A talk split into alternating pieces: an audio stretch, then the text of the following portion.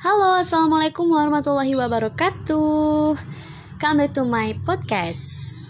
Oke, pada kesempatan kali ini saya akan menjelaskan tentang asuhan keperawatan spiritual. Yeay. Oke. Keperawatan adalah komitmen tentang mengasihi atau caring. Elemen keperawatan kesehatan yang berkualitas adalah menunjukkan kasih sayang pada klien sehingga terbentuk hubungan saling percaya. Rasa saling percaya diperkuat ketika perawat menghargai dan mendukung kesejahteraan spiritual klien. Penerapan proses keperawatan spiritual klien tidak sederhana atau bukan sekedar mengkaji praktik dan ritual keagamaan klien saja. Memahami spiritualitas klien, kemudian secara tepat mengidentifikasi tingkat dukungan dan sumber yang diperlukan, membutuhkan perspektif baru yang lebih luas. Perlu belajar memahami aspek positif dari spiritualitas klien, mendukung dan mengenali klien dalam pemberian asuhan keperawatan yang efektif.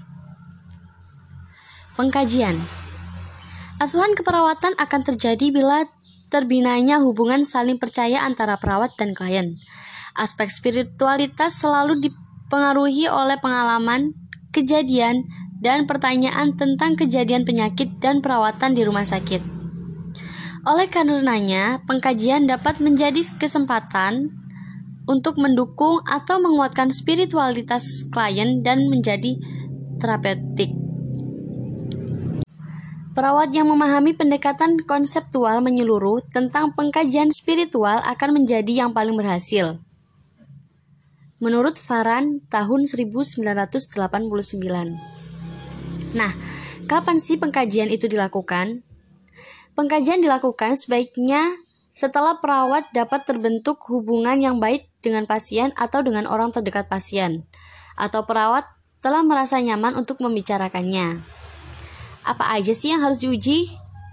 Nah, informasi awal yang harus digali adalah yang pertama, Avialisasi agama 1. Partisipasi agama klien dalam kegiatan keagamaan 2. Jenis partisipasi dalam kegiatan keagamaan Selanjutnya yaitu keyakinan atau spiritual agama Yang pertama, praktek kesehatan Contohnya seperti diet, mencari dan menerima terapi atau upacara keagamaan Yang kedua, persepsi penyakit Contohnya hukuman coba cobaan terhadap keyakinan. Dan yang ketiga, strategi coping. Lalu, ada pengkajian data subjektif. Yang pertama adalah konsep tentang Tuhan atau ketuhanan. Yang kedua, sumber keharapan dan kekuatan. Yang ketiga, praktek agama dan ritual. Dan yang keempat, hubungan antara keyakinan dan, dan kondisi kesehatan. Selanjutnya adalah pengkajian data objektif. Yang pertama, pengkajian efektif atau pasien tampak kesepian, depresi, marah, cemas, agitasi, apatis, atau preokupasi.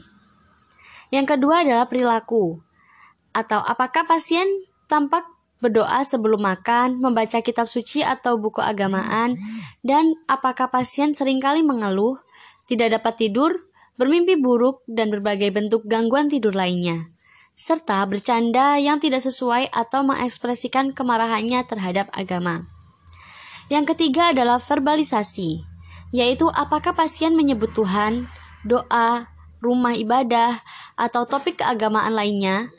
Apakah pasien pernah minta dikunjungi oleh pemuka agama, dan apakah pasien mengekspresikan rasa takutnya terhadap kematian. Yang keempat, hubungan interpersonal yaitu siapa pengunjung pasien, bagaimana pasien berespon terhadap pengunjung, apakah pemuka agama dapat mengunjungi pasien, dan bagaimana pasien berhubungan dengan pasien yang lain dan juga dengan perawat. Yang kelima, lingkungan, yaitu apakah pasien membawa kitab suci atau pelengkap ibadah lainnya, apakah pasien menerima kiriman tanda simpati dari unsur keagamaan, dan apakah pasien memakai tanda keagamaan misalnya jilbab. Terutama dilakukan melalui observasi, menurut Hamid pada tahun 2000. Selanjutnya adalah diagnosa keperawatan. Menurut Faran pada tahun 1989, ketika meninjau pengkajian spiritual dan mengintegrasikan informasi ke dalam diagnosa keperawatan yang sesuai, perawat harus mempertimbangkan status kesehatan klien terakhir dari perspektif holistik dengan spiritualitas sebagai prinsip kesatuan. Selanjutnya, menurut Potter dan Perry pada tahun 1997, setiap diagnosa harus mempunyai faktor yang berhubungan dengan akurat sehingga intervensi yang dihasilkan dapat bermakna dan berlangsung. Diagnosa keperawatan spiritual menurut North American Nursing Diagnosis Association pada tahun 2006. Distress spiritual adalah kerusakan kemampuan dalam mengalami dan mengintegrasikan arti dan tujuan hidup seseorang dihubungkan dengan agama, orang lain, dan dirinya. Ruang lingkup diagnosa keperawatan distress spiritual yaitu satu Berhubungan dengan diri, meliputi mengekspresikan kurang dalam harapan, arti tujuan hidup, kedamaian, penerimaan cinta, memaafkan diri, keberanian, marah, rasa bersalah, coping yang buruk. Yang kedua berhubungan dengan orang lain, meliputi menolak berinterak berinteraksi dengan teman, keluarga, dan pemimpin agama.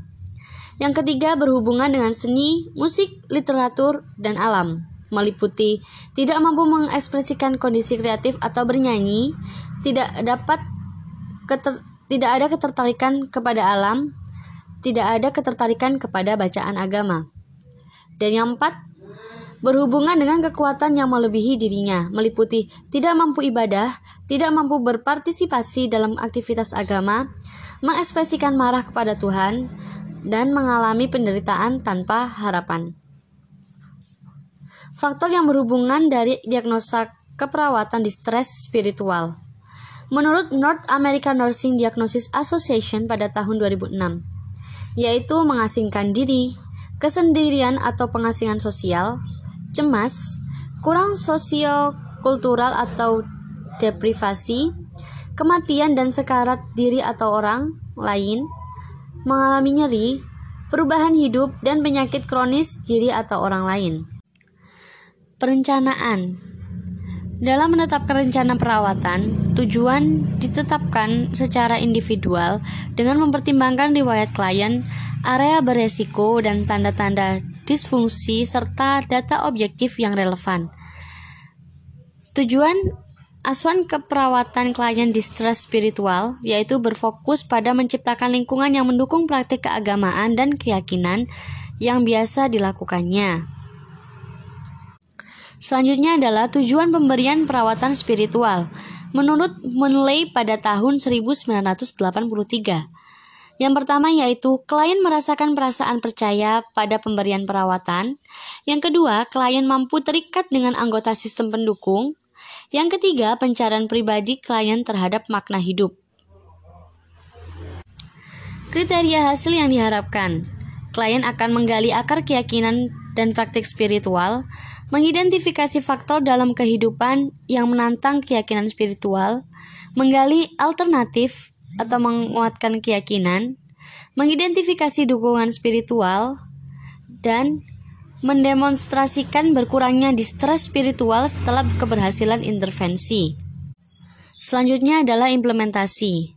Menurut MC Kloske dan Bulchek pada tahun 2006, dalam Nursing Intervention Classification atau NIC, yaitu salah satu intervensi distress spiritual adalah support spiritual yaitu membantu pasien untuk merasa seimbang dan berhubungan dengan kekuatan maha besar. Aktivitas support spiritual meliputi 1. Buka ekspresi pasien terhadap kesendirian dan ketidakberdayaan 2. Memberi semangat untuk menggunakan sumber-sumber spiritual Yang ketiga, siapkan artikel tentang spiritual sesuai pilihan pasien Yang keempat, tunjuk penasihat spiritual pilihan pasien Yang kelima, Gunakan teknik klarifikasi nilai untuk membantu pasien mengklarifikasi kepercayaan dan nilai jika diperlukan. Yang keenam, mendengar perasaan pasien. Yang ketujuh, pasien harus difasilitasi dalam meditasi, berdoa, atau ritual keagamaan. Selanjutnya, dengarkan dengan baik komunikasi pasien dan kembangkan pemanfaatan waktu untuk berdoa atau ritual keagamaan. Lalu, yakinkan kepada pasien bahwa perawat dapat mensupport pasien ketika sedang menderita. Selanjutnya, buka perasaan pasien terhadap rasa sakit dan kematian, dan yang terakhir, bantu pasien untuk mengekspresikan yang sesuai dan bantu mengungkapkan rasa marah dengan cara yang baik. Evaluasi Perawat mengevaluasi apakah intervensi keperawatan membantu menguatkan spiritualitas klien. Perawat membandingkan tingkat spiritualitas klien dengan perilaku dan kebutuhan yang tercatat dalam pengkajian keperawatan. Klien harus mengalami emosi sesuai dengan situasi, mengembangkan citra diri yang kuat dan realistis, dan mengalami hubungan interpersonal yang terbuka dan hangat. Klien harus mempertahankan misi dalam hidup dan yakin dengan Tuhan yang Maha Kuasa atau Maha Tinggi. Bagi klien dengan penyakit terminal serius, evaluasi difokuskan pada keberhasilan membantu klien meraih kembali harapan hidup, menurut Potter dan Perry pada tahun 1997. Dan selanjutnya adalah tujuan asuhan keperawatan tercapai apabila klien mampu beristirahat dengan tenang, menyatakan penerimaan keputusan moral atau etika, mengekspresikan rasa damai berhubungan dengan Tuhan, menunjukkan hubungan yang hangat dan terbuka dengan pemuka agama, mengekspresikan arti positif terhadap situasi dan keberadaannya, menunjukkan efek positif tanpa perasaan marah, rasa bersalah, dan ansietas. Menunjukkan perilaku lebih positif, dan yang terakhir mengekspresikan arti positif terhadap situasi dan keberadaannya. Nah, itu tadi pembahasan tentang asuhan keperawatan spiritual. Eh, sekian dari saya. Apabila banyak kesalahan, saya mohon maaf. Sampai jumpa di podcast selanjutnya. Bye bye, bye bye, bye bye, bye bye. Assalamualaikum warahmatullahi wabarakatuh.